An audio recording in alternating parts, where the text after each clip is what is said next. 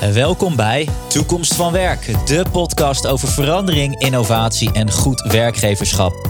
Ik ben Arjen Bannach, spreker en organisatiefuturoloog. En jij bent straks weer helemaal klaar voor de toekomst. Ja, beste luisteraar, tof dat je weer ingeschakeld bent bij Toekomst van Werk. En voordat ik je de gast van deze maand ga aankondigen, Eerst even een huishoudelijke mededeling en wel een belangrijke. Want je weet, het is een aparte tijd. Een aparte tijd waarin we veel thuis zijn, op afstand moeten werken. En waarin ook de events waar ik altijd veel mocht spreken niet door konden gaan. Maar er is gelukkig licht aan het einde van de tunnel gekomen. Want vanaf 1 juli mogen we weer tot 100 mensen samenkomen. En dat moment heb ik samen met een paar collega's en toevallig ook de gast van deze podcast aangegrepen om het allereerste 100 event post-corona te gaan organiseren. Nou, dat event dat heet Succes Verzekerd. Zal plaatsvinden op, hoe kan het anders, 1 juli bij Postillon Hotels in Amersfoort. Die hebben een hele eventbranche helemaal zo ingericht dat ze allemaal veilig anderhalve meter events kunnen hosten. En daar gaan we dus een middagevent organiseren, zo van 1 tot 5. En dat doe ik samen met onder andere Jos Burgers, gaat spreken over klantgerichtheid van waarde zijn. Niek van der Adel, bekend spreken over veerkracht. Nancy Rademaker, de gast van deze podcast, gaat praten over technologie, vooruitgang. En ik zelf ga praten over remote leiderschap. De titel van mijn nieuwe boek, wat ook op die dag, woensdag 1 juli, uitkomt. Nou, en het zou natuurlijk ontzettend leuk zijn als je daarbij bent. Er zijn slechts 90 kaartjes in de verkoop. Dus ja, je moet er snel bij zijn. Als je naar speakersclub.nl slash event gaat, speakersclub.nl slash event, kan je je tickets claimen, maar je kan natuurlijk ook gewoon eventjes naar mijn LinkedIn kanaal gaan of naar mijn website, want ook daar vind je allemaal doorverwijzingen. Dus hartstikke leuk om jou te mogen begroeten op Succes Verzekerd. En daar ga je dan niet alleen mij zien, maar ook nog Nancy Rademaker. En dat is de gast van deze podcast. En Nancy is internationaal keynote spreker. Zij vloog en gaat misschien zometeen weer vliegen. De hele wereld rond om haar verhaal te vertellen over uh, klantgerichtheid, over customer centricity en experience. En zij legt ook altijd prachtig de link tussen customer experience en employee experience. En zij legt eigenlijk uit wat we met al die technologische mogelijkheden die er nu zijn, hoe we daarmee eigenlijk de waarde die wij leveren als organisatie kunnen gaan vergroten. Hoe we beter, slimmer, effectiever met elkaar kunnen gaan werken. En als ik altijd naar technologie kijk, ja, dan is het voor mij toch wel een beetje soms een ver van mijn bedshow. Ik weet nooit allemaal wat er precies op ons afkomt. Maar Nancy kan dat altijd haarfijn uitleggen en geeft eigenlijk inzicht in een ja, soms toch wel moeilijk te begrijpen wereld. En daarom is dit interview heel verhelderend, maar tegelijkertijd ook super praktisch. Nou, ik ga daar niet te veel woorden aan vuil maken. Ik ga je gewoon lekker naar het gesprek laten luisteren. En dan doe ik tot slot nog één keer de shout-out naar het event Succes Verzekerd op 1 juli. Nancy spreekt daar, ik spreek daar dus. En ook nog Niek van de Adel en Jos Burgers. Dus echt een hele gave line-up. Het allereerste event weer tot 100 man.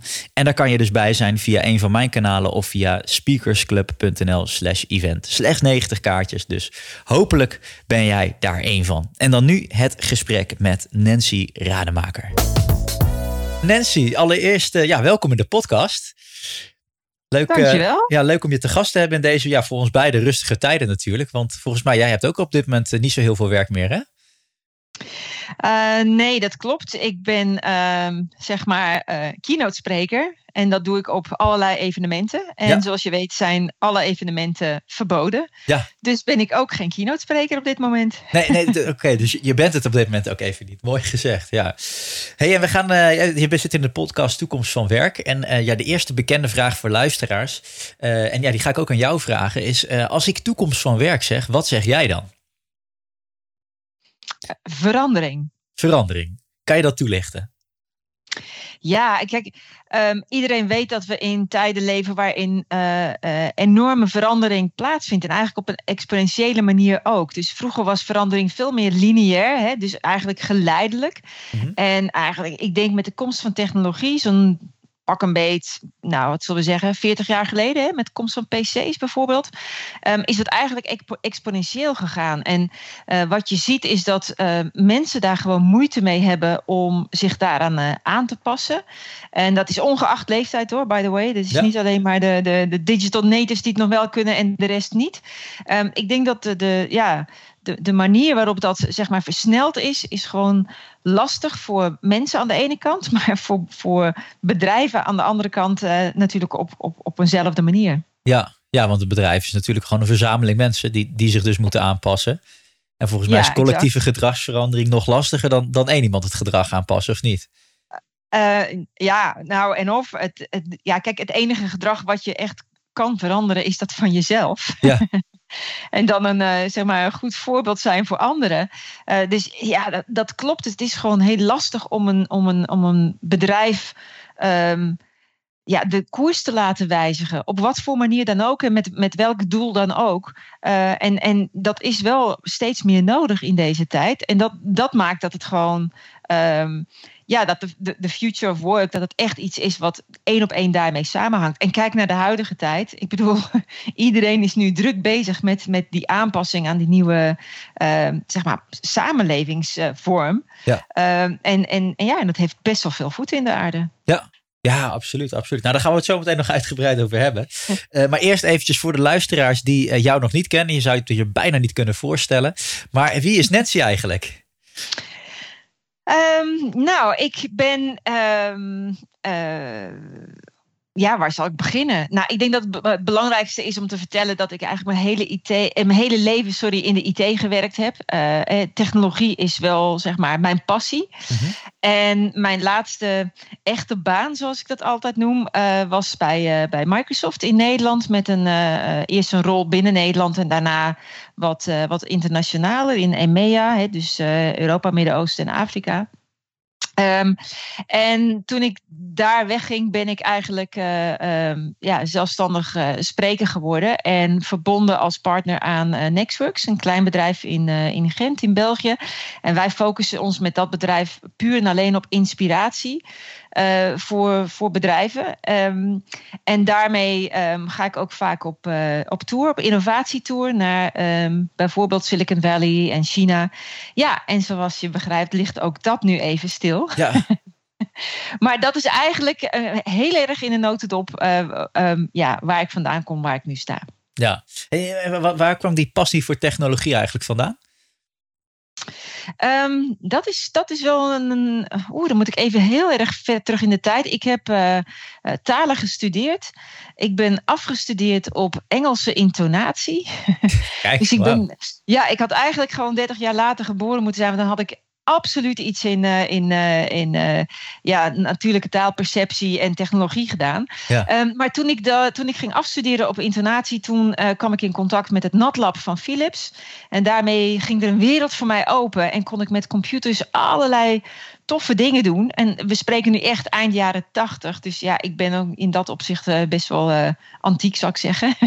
maar dat, dat is eigenlijk waar het, ja, waar het vlammetje voor technologie ging branden. Ja, wauw. Mooi. En, en, en toen vervolgens, je hebt, je hebt lang bij Microsoft gewerkt. En ook echt uh, aan de basis eh, gestaan van, uh, van softwareontwikkeling, technologieontwikkeling meegemaakt. Um, en op een gegeven moment word je dan spreken. En dan ben ik wel benieuwd, wat, was dan op een gegeven moment het verhaal wat jij tegenkwam of wat jou bezighield, wat verteld moest worden? Um, ja, dat was eigenlijk wel redelijk simpel. Um, als je voor een softwarebedrijf werkt, en je, eh, dan moet je natuurlijk altijd dingen presenteren hè, aan klanten.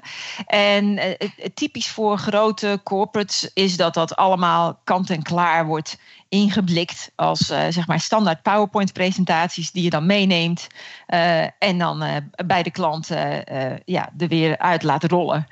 Um, en ik was het daar eigenlijk nooit zo mee eens. Uh, niet met, uh, nou de inhoud was wel correct, maar de manier waarop je het over moest brengen, of ja, weet je wel, waarop het ge, uh, geconstrueerd was, was veel van, ja, wij van WC Eend adviseren WC Eend. Mhm. en met een begin waarin vooral werd gezegd hoe goed het bedrijf wel niet was en alle functions en features van de software. En waar voor, compleet aan voorbij werd gegaan was waarom het nou zo belangrijk was om die software te gaan inzetten. Met andere woorden, er werd eh, veel te weinig gefocust op de noden en de wensen van bedrijven. Mhm. Ehm, die zeg maar aan de grond, uh, of de grondslag vormden om überhaupt over software uh, aanschaf na te denken. En dat is eigenlijk wat ik op een gegeven moment, eigenwijs als ik ben, zelf ging doen. En ja, ik kwam dan in, in contact met, met, met andere mensen op e-, evenementen. En zo, zodoende ben ik daar een beetje ingerold. Ja, Grappig. Dus, dus echt gaan praten over niet dus inhoudelijk wat die software inhoudt, maar veel meer wat je ermee kan doen en waarom het zo belangrijk is voor je, ja, de voortgang van je bedrijfsvoering, zou je kunnen zeggen. Ja, exact. En, en vooral het luisteren naar ja, hoe, wat het businessmodel van een bedrijf was en, en waar er dan precies uh, zeg maar hiaten zijn of dingen waar het mee kan versneld worden of verbeterd worden uh, met behulp van software. En, en dat was juist wat, en ik merkte ook dat dat heel erg goed resoneerde bij, bij uh, het publiek. Um, en, en daarom ben ik daar ook uh, op verder gegaan. Mooi. Hey, nu zijn we een aantal jaar verder, hè, want jij, jij vliegt al een aantal jaar eh, de hele wereld over om, uh, om te vertellen. Um, en, en, en wat je met networks ook doet natuurlijk, is dat je heel goed in de gaten hebt wat gebeurt er nou eigenlijk allemaal. Wat zijn nou die ontwikkelingen waar organisaties op in moeten spelen? Zou, zou jij ons en de luisteraars even heel kort mee kunnen nemen in een aantal trends, ontwikkelingen die jij nu ziet, waarvan je zegt van nou, die gaan de komende tijd, de komende jaren, gaan die echt een grote impact hebben op organisaties? Um, ja, nou, er zijn er heel veel. Ik denk dat um, uh, heel belangrijk is, is uh, hoe technologie um, eigenlijk heel veel veranderd heeft. Zowel op het vlak van ja, hoe je de klant kunt bedienen. Dus veel meer um, gepersonaliseerd. Ik, uh, misschien dat ik daar later nog wel even op, in kan gaan. Um, dat aan de ene kant, maar ook in het ontstaan van nieuwe businessmodellen. We zien al die uh, platformen ontstaan waarbij eigenlijk de de leverancier van dat platform direct in contact staat met, uh, met de gebruiker daarvan. Dus eigenlijk is, is de, de, de, de tussenpersoon als het ware uh, verdwenen. Je ziet een steeds groter gebruik van die technologie. Je ziet ook dat dat bedrijven in staat stelt om niet alleen maar het te, hoe zal ik zeggen, het eh, op maat te maken voor een bepaalde categorie van mensen, een segment bijvoorbeeld, maar om dat heel erg te targeten naar ons als individu. En wij verwachten dat ook steeds meer als, als klant. Ja. En daarnaast zie je ook een enorme toename in, in, het, in het serviceniveau van, uh, van bedrijven. En omdat wij allemaal in ons privéleven, zeg maar, consumenten zijn, verwachten we dat eigenlijk automatisch ook in ons uh, businessleven. Uh, en dan zie je dus eigenlijk dat alles wat wij als consument ervaren aan, aan hè, wat ik dan customer experiences noem, dat we dat eigenlijk meteen als verwachtingsniveau hebben op het moment dat we uh, zaken gaan doen. Ah, interessant, interessant. En, en dat is dus ook belangrijk dat bedrijven, dus hè, als we het hebben over die termen als customer experience, dat dat steeds belangrijker wordt om daar de juiste technologieën voor te zoeken, om die je eigen te maken en daarmee eigenlijk een soort voorsprong te nemen op je concurrentie. Kan ik dat zo zeggen? Ja, dat, uh, dat is helemaal correct. Ik denk wel dat het belangrijk is om daarbij uh, te vermelden dat het niet alleen maar de technologie is die je uh, daarbij uh, zal helpen. Het begint toch wel met een heel goed inzicht in hoe die mens veranderd is door de komst van technologie. Uh, en het is dus niet zozeer dat technologie uh, leidend moet zijn. Technologie moet altijd een hulpmiddel blijven. En ik denk dat wij veel meer dan vroeger een focus moeten hebben op het, op het menselijke aspect. Wat willen wij als mens? Hoe zijn wij veranderd? En hoe ga ik daarop inspelen? En ja, technologie kan dan een hulpmiddel zijn, maar voor mijn gevoel altijd ondergeschikt. Oké, dat is mooi gezegd inderdaad. Dus technologie is nooit het doel, het is het middel om iets te bereiken. Hè? Je ja. zou kunnen zeggen de missie van je organisatie. En, en daarvoor moet je misschien ook wel beter dan ooit uh, je, je, je, eigen klanten kennen of je potentiële klanten kennen. Uh, om te zien wat ze nou echt drijft, wat ze nou echt willen hebben. Nou, exact. En ik denk ook dat dat juist uh, het absolute, uh, de absolute reden is dat zoveel technologische implementaties hebben gefaald hm. in het verleden, maar nog altijd, is omdat het wordt gezien als de oplossing en niet als het middel om ergens te komen. En dat is denk ik uh, ja, cruciaal. En tegelijkertijd, uh, en, en dat, dat zal veel mensen ook niet verbazen, de, de absolute tekortkoming in het verleden om ook te focussen op de mens intern in de organisatie. En dus een, een tool alleen maar te implementeren, punt. En dan te verwachten dat het zijn werk wel zou doen, zonder daarbij uh, de medewerkers uh, te kennen en, en eigenlijk het hele, zeg maar, change management verhaal goed neer te zetten. En de adoptie uh, ja, in, op een continue manier te proberen te verhogen. En, en ik denk dat dat eigenlijk de essentie is als je te veel focust op de technologie alleen, dat het dan gewoon niet gaat werken. Nee, nee mooi. Hey, en, en, en hoe komen organisaties achter die menselijke aspecten die je net noemde? Wat, wat, wat nou echt mensen echt graag willen? Hoe, hoe kom je daarachter? Want ik denk dat dat heel moeilijk is om dat goed te achterhalen. Um, nou, dat denk ik niet. Want de grootste bron van, uh, uh, van onderzoek, die heb je namelijk voorradig. En dat ben je zelf. Mooi dus om te, je, je ziet dat de mens in zijn algemeenheid veranderd is. Ik noem dat in mijn uh, speeches wel eens de, de, de, de, de vijf I's. Ja, en ik doe het meestal in het Engels, dus het zijn ook Engelse termen. Ja. Um, en die vijf I's, dat zijn uh, termen als informed, um, individualistic, impatient, intuitive en um, influenced. En het betekent eigenlijk dat wij als mens door de komst van technologie, hè, we zijn veel meer um, geïnformeerd. Dat ja. leidt ertoe dat we um, veel meer informatie zelf kunnen vinden. Dat leidt er ook toe dat we van bedrijven verwachten dat ze veel transparanter zijn. Niet alleen in wat ze bijvoorbeeld met onze data doen, hè, waar ze die opslaan of hoe ze die gebruiken, maar ook hoe um, um, sustainable zijn organisaties? Wat doen ze voor, um, voor de wereld? Uh, ook transparantie in de prijszetting bijvoorbeeld. Dat is ook de reden waarom zoveel financiële instellingen het moeilijk hebben gehad toen al die uh, online uh, start-ups zich begonnen te manifesteren. Mm-hmm. Nou, dat, is, dat is, heeft met inform te maken. Nou, het feit dat we zo individualistisch geworden zijn, betekent dat we allemaal een hoge mate van personalisatie willen. We willen echt dat bedrijven ons kennen. En dat ze, het, dat ze de, het aanbod wat ze doen, dat dat heel erg overeenkomt met, met onze voorkeuren, onze wensen. En ja, het verbaast je natuurlijk niet dat je ook weer om dat te achterhalen technologie in kunt zetten. En vooral artificial intelligence, hè, die, die, die slimme algoritmen gaan ons in staat stellen om, om op basis van data klanten nog veel beter te leren kennen.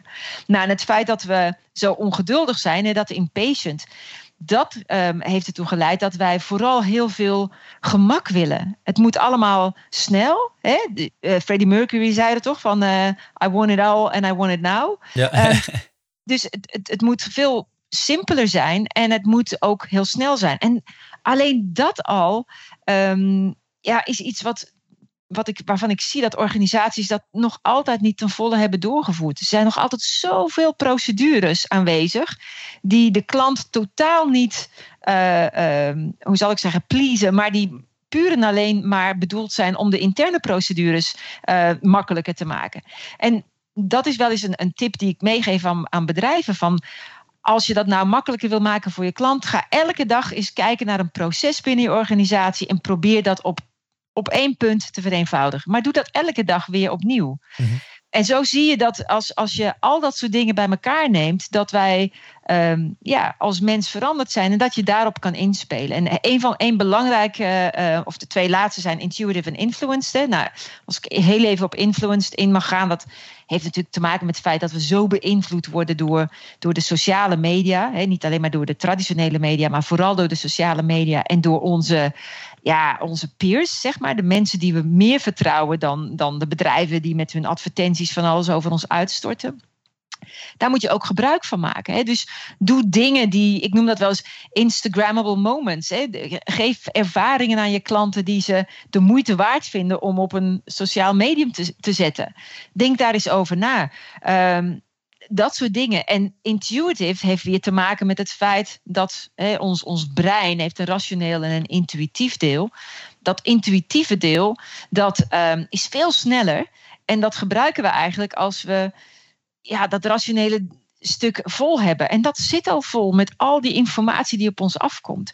Dus wij reageren veel meer vanuit onze emotie, is mijn overtuiging, dan pak een beetje een, een, een eeuw geleden of 50 jaar geleden. En daar moet je ook op inspelen. En dat betekent, ja. Uh, aan de ene kant vind ik emoties als bijvoorbeeld uh, uh, humor, of ja, humor is niet echt een emotie, maar inspelen op emoties door middel van humor is iets wat, wat, wat zelden gebeurt nog. En, mhm. en toch is dat belangrijk. En aan de andere kant ook herkennen wat onze emotie is.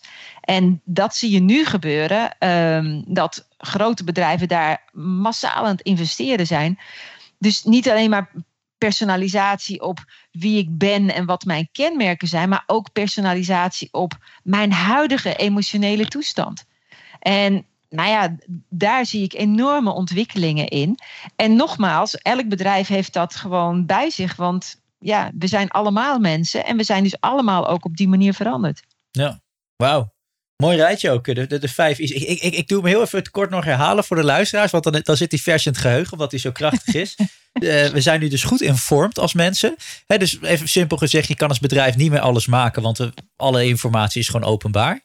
Uh, we zijn uh, individual, dus je moet ook zorgen dat je dat persoonlijke aanbod voor ons hebt. Impatience, dus het moet snel gaan.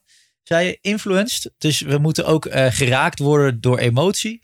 En tot slot intuitive. En dat betekent, die laatste, kan je die nog heel kort even toelichten, die, die 15? Nou, ik, ik denk dat uh, wat jij, ik bedoelde eigenlijk met intuitive dat dat emotionele aspect belangrijk wordt. Hm. En influenced betekent eigenlijk dat we niet meer zoveel geloof hechten aan wat bedrijven ons vertellen, maar veel meer aan wat de mensen die wij meer vertrouwen, hè, dus ja. onze peers of, of uh, gelijkgestemden, zeg maar, um, uh, vertellen op onder andere de sociale media. Ja, helder. Hey, en in hoeverre, want dit, dit is voor mij een krachtig rijtje. In hoeverre zijn organisaties zich ook bewust van dat dit nu speelt? En dat dus mensen aan het veranderen zijn. En dat ze met deze vijf I's echt heel erg rekening moeten houden? Um, gelukkig zou ik zeggen nog te weinig, want daarom ben ik ook nog steeds actief als spreker. ja, dus eigenlijk moeten we dit ook helemaal niet gaan uitzenden. Oh jawel hoor, jawel. ik, ik vind het uh, geweldig om dat te delen. Nou, wat je ziet is, um, kijk, het is, het is niet zozeer iets wat compleet nieuw en verrassend is. Maar het is wel zo dat er weinig aandacht voor is. Hm. En ik denk dat dat juist uh, de crux is. Hè? Dus dat je die vijf uh, eigenschappen, wat ik zeg, dat je daar gebruik van maakt om die te vertalen naar de um, ervaring voor je klanten aan de ene kant, maar tegelijkertijd ook in de ervaring voor je medewerkers. Want ja. daar, daar geldt evenzeer uh, dat wij mens zijn en dat wij dus uh, beïnvloed zijn.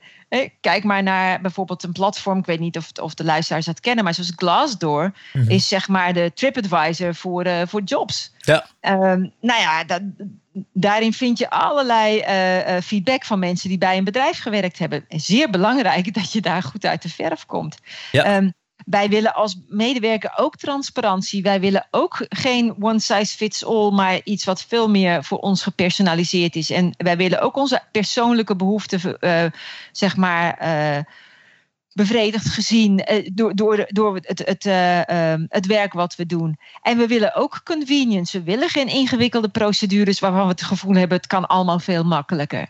Ja. En tenslotte willen we ook als emotioneel mens willen we ja, we willen gewoon dat, dat uh, ja, de lol in het werk hè, en dat engagement is zo belangrijk. Dus evenzeer voor de medewerker geldt dit dat je dat heel mooi kan aangrijpen als, als, uh, ja, als, als startpunt voor verbetering. Ja, ja, en is het dan ook zo dat we, als we dit, naar dit rijtje kijken met die vijf I's, dat je zou kunnen stellen als je als organisatie in staat bent om op deze punten goed in te spelen, hè, dat je dus echt, laten we zeggen, in je, in je journey Um, en die contact met, met de klant dit allemaal kan borgen en zorgen dat je op de juiste manier op inspeelt, dat je dan ook een goede customer experience hebt? Ja, dat is eigenlijk, het is een soort van, um, het zijn vijf handvatten om eigenlijk um, ja, voor jezelf na te gaan, waar kan ik nou nog verbetering in aanbrengen of hoe kan ik complete nieuwe customer experiences maken voor mijn klanten.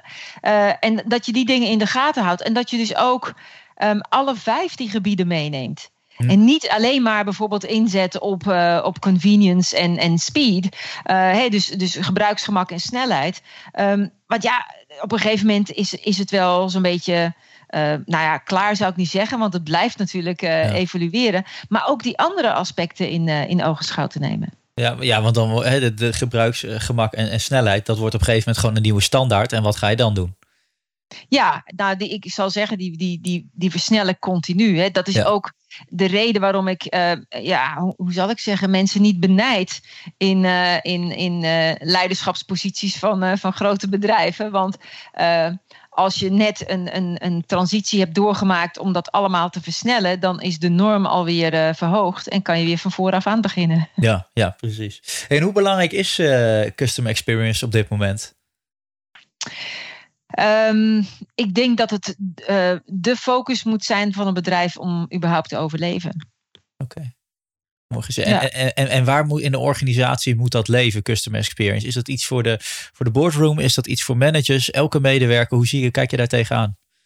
Nou ja, dat is juist het probleem wat we nu zien, is dat customer experience vaak wordt gezien als oké, dat is iets wat we er ook bij moeten doen. Ja. En dan gaan we een customer experience uh, manager of officer aanstellen.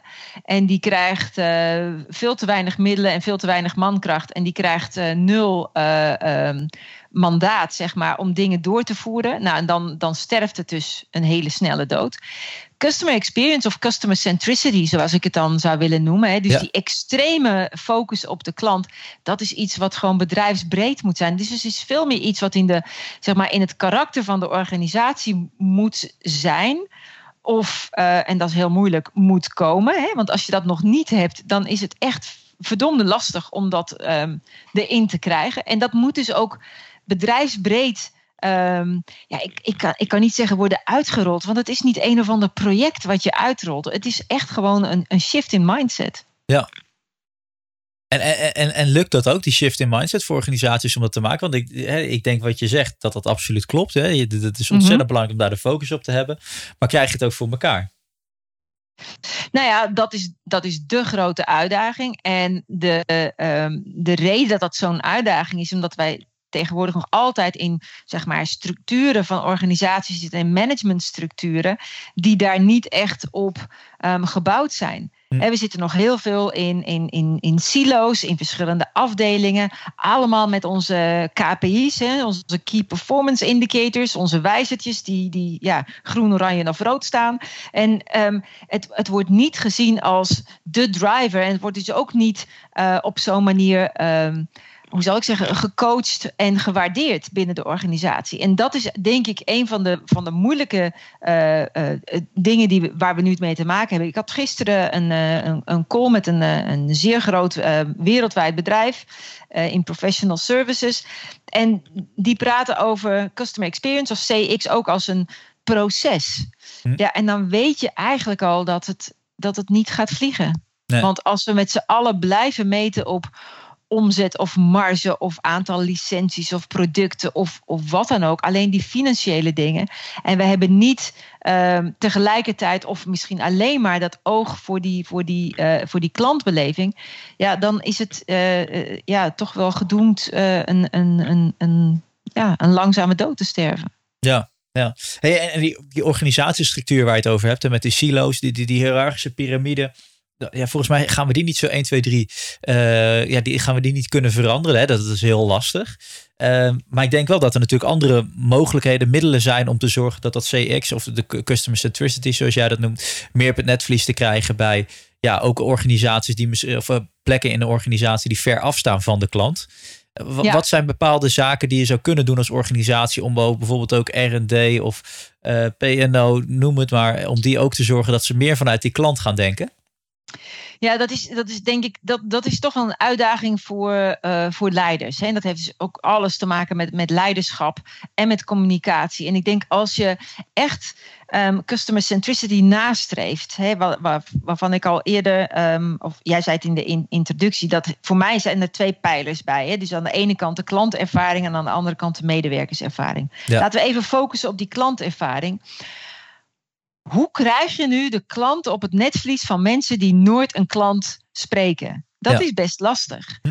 En daar zijn verschillende mogelijkheden voor. En belangrijke is, is, denk ik, is een stukje storytelling. Als er binnen een bedrijf de verhalen worden gedeeld over dingen die uh, worden meegemaakt door de mensen die wel klanten spreken dan gaat het veel meer leven voor de rest van de organisatie.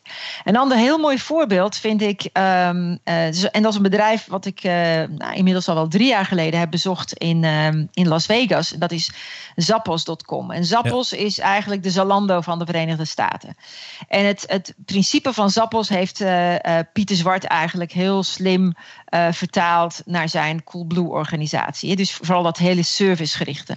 Ja. Nou, wat Zappos doet om ervoor te zorgen dat iedereen die klant op het netvlies houdt, is dat iedere medewerker, van de CEO tot, tot de boekhouder, die moeten allemaal verplicht eens in de zoveel tijd, en ik meen me te herinneren eens in de twee maanden, moeten die een shift meedraaien op hun contactcenter. Ja. Dus die draaien gewoon acht uur lang mee in dat contactcenter. Die krijgen gewoon telefoontjes van klanten.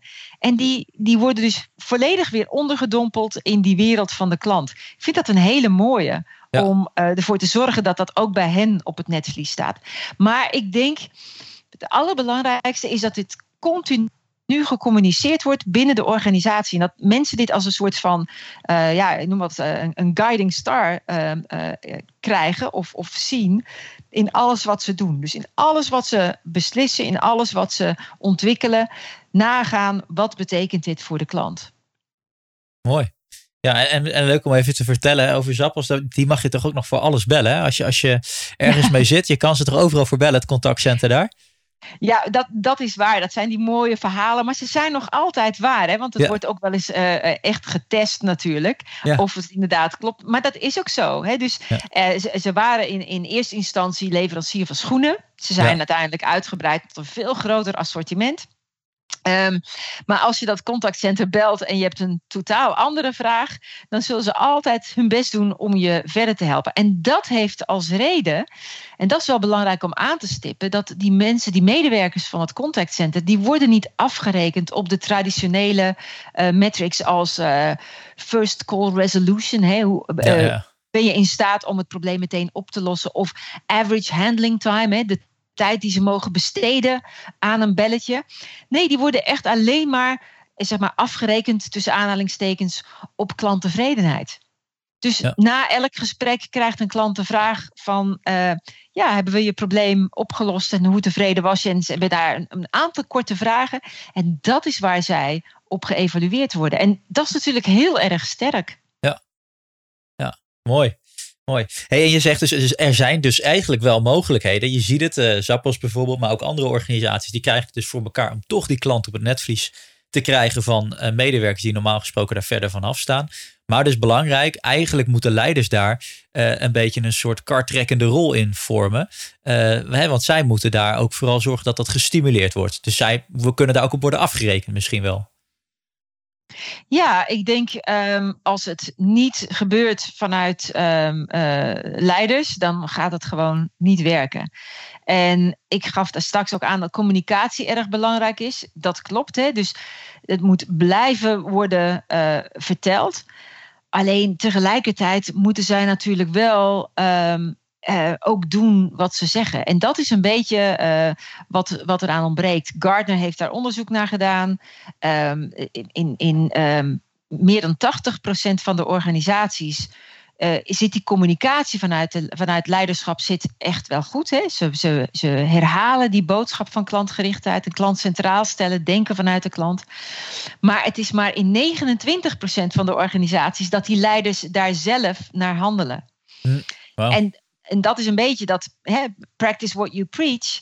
Um, als je dat niet doet, dan gaat het ook niet werken. Dus daar zit echt wel een, een, ja, een aspect aan van heel veel investering van tijd en energie en moeite. En dat blijven doen, dag na dag, week na week. Want anders gaat het gewoon niet werken. Nee, nee. Mooi. En één manier om daar te geraken, die term liet je natuurlijk ook al een paar keer vallen. Dat is uh, ook te zorgen dat je een hele goede employee experience hebt. Ja. Uh, hoe verhoudt zich dat tot, tot, tot bijvoorbeeld customer centricity?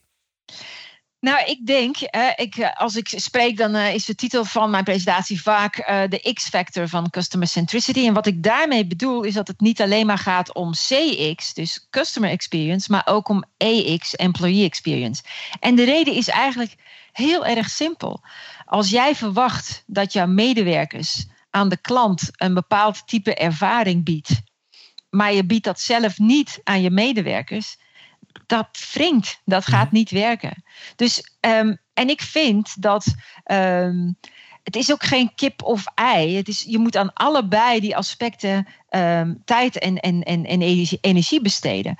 Want uiteindelijk um, zul je met een, een, een goede employee experience, hè, medewerkerservaring, zul je veel meer betrokken medewerkers uh, hebben dat is dus employee engagement. En die betrokken medewerkers die zullen een veel betere ervaring aan de klant bieden. En een klant met heel veel goede ervaringen zal weer leiden tot een engaged customer. Hmm. En die engaged customer, die heeft uh, de grootste kans van ook een loyale klant worden. En dat is waar bedrijven natuurlijk hun economische waarde aan ontlenen. Dus ik denk dat het gewoon cruciaal is dat, dat die twee hand in hand gaan. Ja. Oké, dan, dan, nu een gewetensvraag. Want um, Richard Branson bijvoorbeeld, die zegt: ja, put your employees first and your customers second. He, ja. de, de, set medewerkers echt centraal en dan komen de klanten wel. Uh, hoe zie jij dat nou? Moet die klant centraal staan? Heb je dan uh, customer centricity? Moet eigenlijk die medewerker centraal staan? Of, en dat is eigenlijk nog weer een andere gedachte, gaat het niet om beide, maar gaat het veel meer om de missie of de bedoeling van je organisatie die meer centraal moet staan? Um, nou, zo'n grote gewetensvraag is dat niet hoor. Ik krijg die vragen heel vaak. Hè? Okay. Um, um, dus Richard Branson die zegt van um, ja, focus op je medewerker en al de rest volgt vanzelf. Nou, daar ben ik het niet mee eens met dat tweede stuk. En dus ik denk echt wel dat er een focus moet zijn op die medewerkerservaring. Maar ik denk dat de vraag van wat komt eerst, dat die heel triviaal is. Je kunt het ook gewoon samen doen, want ze hangen ook echt samen. Um, en um, Jack Ma, dat is de ex-CEO van Alibaba, die zei altijd: customers first, employees second, shareholders third. Um, die suggereert dus de, de, de, uh, zeg maar een andere uh, hiërarchie. Hm. En dan heb je ook nog um, Simon Sinek, die zegt van nou, weet je, als je uh, wil dat je klanten van je bedrijf houden, dan zul je ervoor moeten zorgen dat je medewerkers er eerst van houden. Want anders ja. gaat het niet werken. Nou, dus eigenlijk, het, het, zijn allemaal varianten op eenzelfde thema. En ik denk dat, misschien kunnen we het wel, uh, dat bedenk ik me hier en nu, misschien kunnen we het al formuleren als de mens centraal. En dat is dan zowel de klant als de medewerker. Maar ik denk dat je kunt het ene niet geven zonder het andere. Maar je kunt niet zeggen, zoals Richard Branson, van nou, zorg er maar voor dat die employees uh, happy zijn en dan volgt al de rest vanzelf. Daar mm. geloof ik niet in. Je zult ja. nog altijd duidelijk moeten maken dat die klant um, zich centraal gezet moet voelen um, en op die manier ook bediend moet worden. Uh, en dat, dat faciliteer je door ook je medewerkers uh, een goed gevoel te geven. Maar het, het, het, het ja, het zal niet, voor mijn gevoel gaat het niet werken als je alleen maar op die medewerker focust. No nee, way. Nee. Dus, dus eigenlijk zou je ook kunnen stellen hè, dat, dat um, je, je blind focussen op hoe zorgen dat we hier uh, de, de meest gave organisatie ooit bouwen intern. Uh, dat, dat, dat het niet zo is dat het automatisch leidt tot ook vervolgens een waanzinnige customer centricity of een CX. Nee, exact, exact. Precies. En, en andersom, hè, als je zegt van nou, wij zetten de klant uh, uh, op nummer één, maar je gaat dan mensen in je contactcenter uh, afrekenen op de tijd die ze aan een telefoontje spenderen, ja, ja dat, dat, dat wringt. Dat, ja. dat klopt niet. Dus die twee moeten echt wel met elkaar, uh, ja, hoe zeg je dat in Nederlands, aligned zijn, dus in, ja. op één lijn staan, want anders dan gaat het gewoon niet werken. Nee. En jij hebt daar ook nog een hele mooie titel voor, hè? of een mooie naam geef jij daar aan, hoe die met elkaar aligned zijn?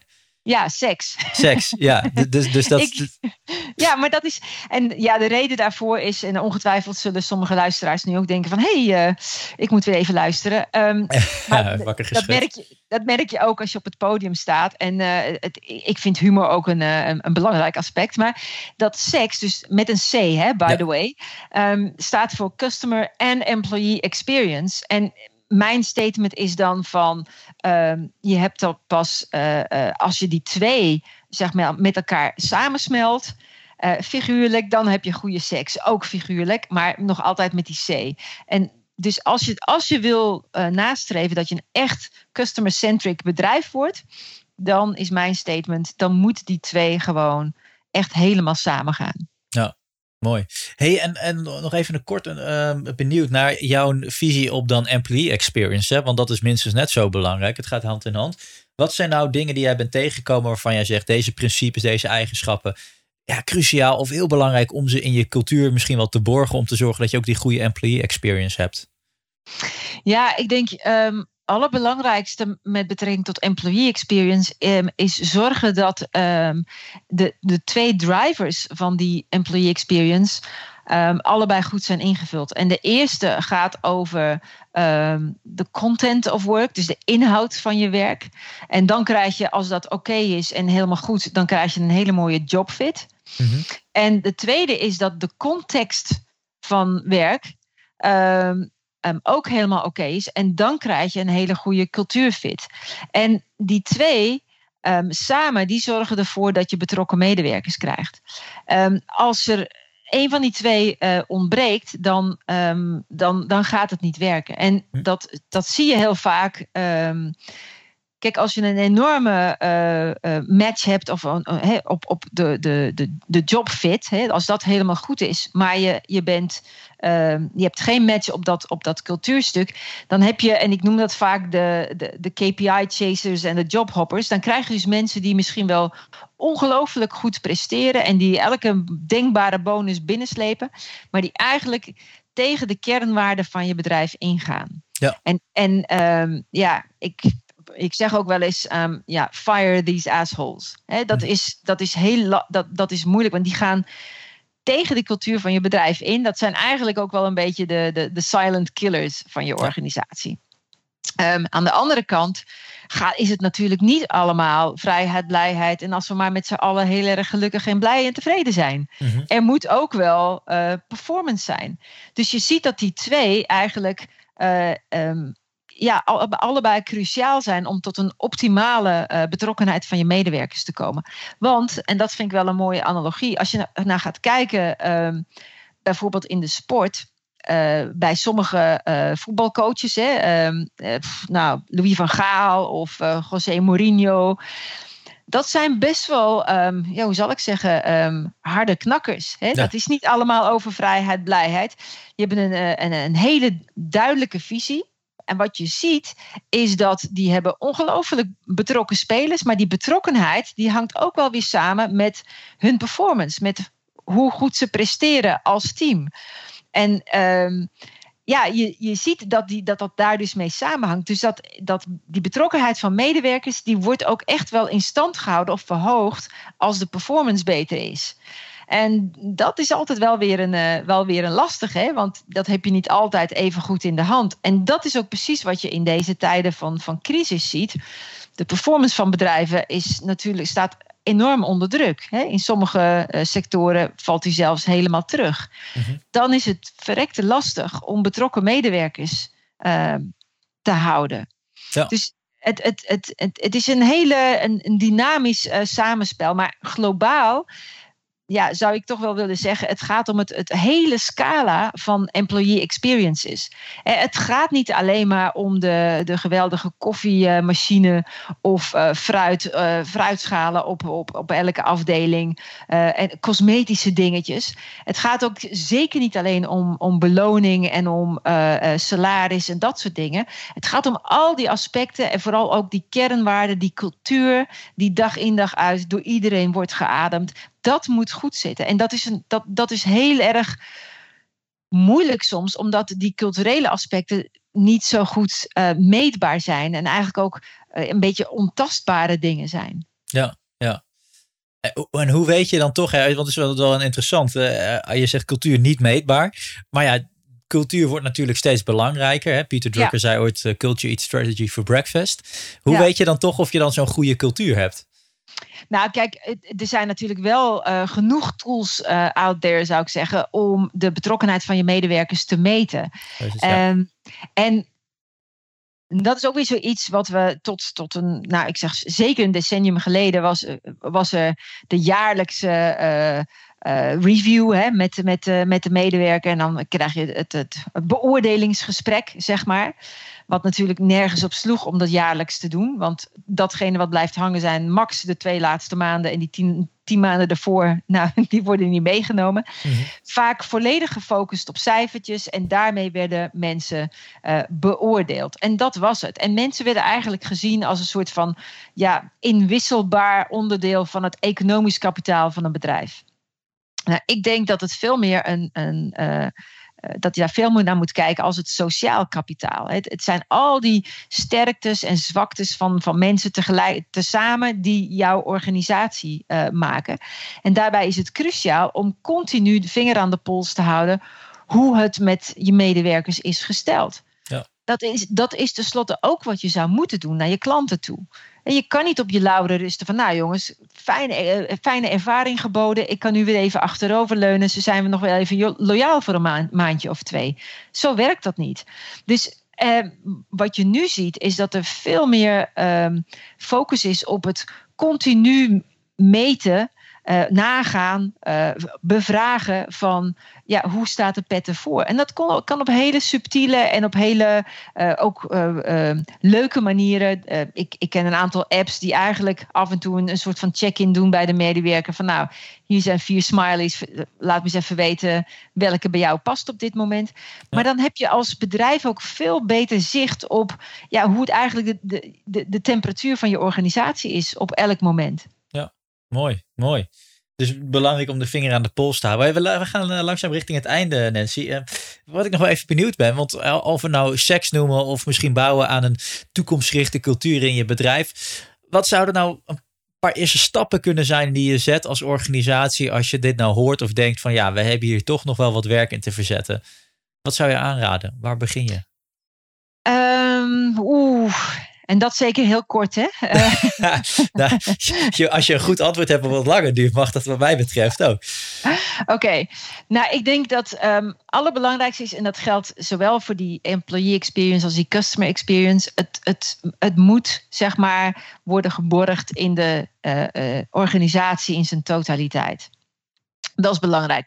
Als we customer hebben we net al besproken, laat ik me even focussen op die employee experience. Wat ik nog te vaak zie gebeuren, is dat uh, leiders heftig zitten te knikken tijdens mijn uh, uh, presentatie. En dan vervolgens denken van oké, okay, dit moeten we gaan doen. HR, alsjeblieft, dit is een extra taak op jullie bordje. Ja. En ik zou toch wel een lans willen breken om employee experience niet te zien als een taak van HR, of zeker niet van HR alleen. Um, ik heb uh, vorig jaar met uh, Mark Levy gesproken. Dat is de persoon die de cultuur mee heeft gebouwd binnen Airbnb. En daar uh, een, een, een uitsluitend de focus had op employee experience. En hij zegt ook van um, een employee experience team, hè, want die, dat kan niet bij één persoon zijn natuurlijk, dat is een, een, een team. Dat moet eigenlijk samengesteld worden vanuit diverse lagen, diverse afdelingen. Dus eigenlijk een soort van um, ja, um, globale representatie van alle mogelijke onderdelen van een, van een bedrijf die moeten in een, in een EX-team komen te zitten. En eigenlijk is het een soort van, ja, hoe zeg je dat, cross-functional um, uh, team, wat over al die afdelingen heen gaat, over alle lagen heen gaat en zich bezighoudt. Vooral door ook binnen de organisatie natuurlijk heel veel uh, uh, feedback te, op, op te halen. Om, de, om die employee experience continu uh, te verbeteren. En net als we met de customer experience hebben gedaan. En, en iedereen heeft van die geweldige journeys getekend. En nou, ik denk los even van het feit of dat, of dat helemaal oké is en of je dat moet doen en of dat nou de, de heilige graal is. Maar het is wel goed om al die touchpoints te bekijken. Um, dat hebben we gedaan bij de klant. Maar doe dat ook voor je employees. Het gaat niet alleen maar om, om het uh, werven van nieuwe mensen of om het moment dat ze weer weggaan. Het gaat eigenlijk om elke interactie die zij hebben met jou als organisatie. En dat je daarna gaat kijken van oké, hoe kunnen we die uh, verbeteren, verstevigen. Uh, ervoor zorgen dat iedereen daar zich uh, oké bij voelt. hoe kunnen we die ook weer personaliseren? Want niet iedereen heeft dezelfde noden en wensen, zoals we al eerder zeiden. En dat je dat borgt in een, in een team, wat niet alleen maar, ehm, zeg maar binnen HR zit, maar wat breed gedragen wordt binnen de organisatie. Oh, mooi. Prachtig. Nou, en dan ga ik daarmee naar de laatste vraag. Misschien, uh, ja, die, die zou hierop aan kunnen sluiten, maar dat ligt aan je antwoord. Want ik ben altijd nog benieuwd als, uh, als we een gast hebben gehad, of je nou nog iets hebt in de vorm van een uh, tip waar wij inspiratie uit kunnen halen. Dus dat kan een boek zijn, een podcast, een film, iets wat jij bent tegengekomen waarvan je zegt, nou, als we het hebben over, nou, laten we het in jouw terminologie de seks noemen. Wat kan ons nou nog inspireren rondom dat thema? Wat heeft jou geïnspireerd? Nou, wat mij vooral inspireert um, en geïnspireerd heeft, is om heel veel te luisteren naar wat um, verschillende vooraanstaande leiders van bedrijven of misschien wel um, nou ja, landen, maar meestal bedrijven, te vertellen hebben over cultuur en het belang van cultuur. En ik denk. Ja, twee dingen zou ik daar dan toch bij willen noemen. Het ene is uh, een, um, een, een video, uh, een interview met uh, Herb Kelleher. En dat is de CEO van Southwest Airlines. Het is een, een luchtvaartmaatschappij in de, in de VS die echt ongelooflijk uh, heeft ingezet op cultuur en op die employee experience. En daarmee een ongelofelijke customer experience heeft gecreëerd en daar heel succesvol mee is. Ja. Maar wel vanuit dat idee van vanuit die employee en die focus daarop. En ja, ik, ik, ik ben toch wel, um, doordat ik ook Zappels bezocht heb. Um, wat ik nog altijd een heel mooi boek vind, is Delivering Happiness van Tony Shea, de CEO Absoluut, van, uh, van Zappels. Um, maar ja, weet je, je overvalt me een beetje met deze vraag. Want als ik denk ik een kwartier langer krijg, dan kom ik met een lijst van twintig dingen. maar Mijn, mijn tip zou vooral zijn om um, ja, heel veel inspiratie op te doen over wat anderen vertellen over hun cultuur. Mhm. Alleen wel onder één opschortende voorwaarde. En dat is niet dat je gaat proberen dat één op één te kopiëren naar jouw organisatie. Want elke organisatie is compleet anders, staat op zichzelf. En wat voor de ene werkt, zou voor de andere misschien totaal niet kunnen werken of zelfs kunnen tegenwerken. Dus dat is wel de valkuil. Ja. Uh, wou ik daar nog even bij vermelden. Ehm, maar als inspiratie, ja, absoluut. Luister naar uh, mensen als, uh, weet je, ik heb hem genoemd, Jack Ma van, van Alibaba. Maar Jeff Bezos, ja, of die over employee experience veel goeds heeft gedaan. Dat wil ik even in het midden laten. Wel voor de customer experience. Ja. Ehm, maar bedrijven als Zappos, natuurlijk Simon Sinek. Die, die, en ik vind al dat soort dingen samen, die, die kunnen je beïnvloeden. En daar neem je dan de, de, de dingen mee waarvan jij het gevoel hebt dat dat binnen jouw organisatie zou kunnen werken. Ja, prachtig. Dus ga vooral op zoek naar de mensen die het al hebben gedaan. Laten zien dat het kan, want het kan. En dan uh, ja, maak het je dan eigen, zou je kunnen zeggen. Ja, ja precies, precies. Mag ik je hartelijk danken voor het gesprek, Nancy. Heel graag gedaan.